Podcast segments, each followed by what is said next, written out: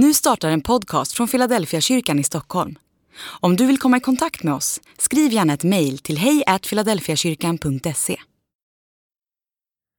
Dag 35. Jag är den sanna vinstocken. Johannes evangelium kapitel 15 och vers 1. Man ska äta minst 500 gram frukt och grönsaker varje dag. Frukt ger energi och nödvändiga vitaminer för att vi ska må bra. Mina barn har haft fruktstund sedan dagis och är vana vid att man ska äta frukt varje dag. Det är helt enkelt nödvändigt för att vi ska hålla oss friska och krya. När Jesus talar om att våra liv kan bära frukt så handlar det om yttre tecken på vårt inre liv.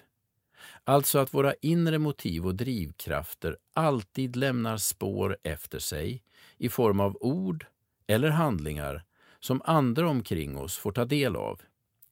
I bästa fall är dessa yttre tecken på inre liv till glädje och uppmuntran för vår omgivning. Men det kan också vara tvärtom. All frukt är inte god. Jesus påpekar i ett annat sammanhang att dåliga träd bär dålig frukt. Betydelsen är att våra inre liv alltid får yttre konsekvenser. Det vi alla önskar är att våra liv ska ge kraft och energi till människor omkring oss. Vi hoppas att vi ska bära god frukt.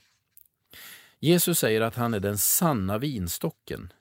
I de orden finns tanken på Jesus som livet i vårt liv. Han säger att han är den som ger vårt inre liv de förutsättningar som behövs för att vi ska kunna bära frukt som är god. Kristen tro är inte ett självförbättringsprogram. Jesus uppmanar inte människor att ta sig samman. Jesus uppmanar oss att hålla oss till honom. Det är inte i oss själva vi hittar kraften som ger god och bestående frukt. Det är i honom. När han får tillträde till vårt inre förändras våra ord och handlingar.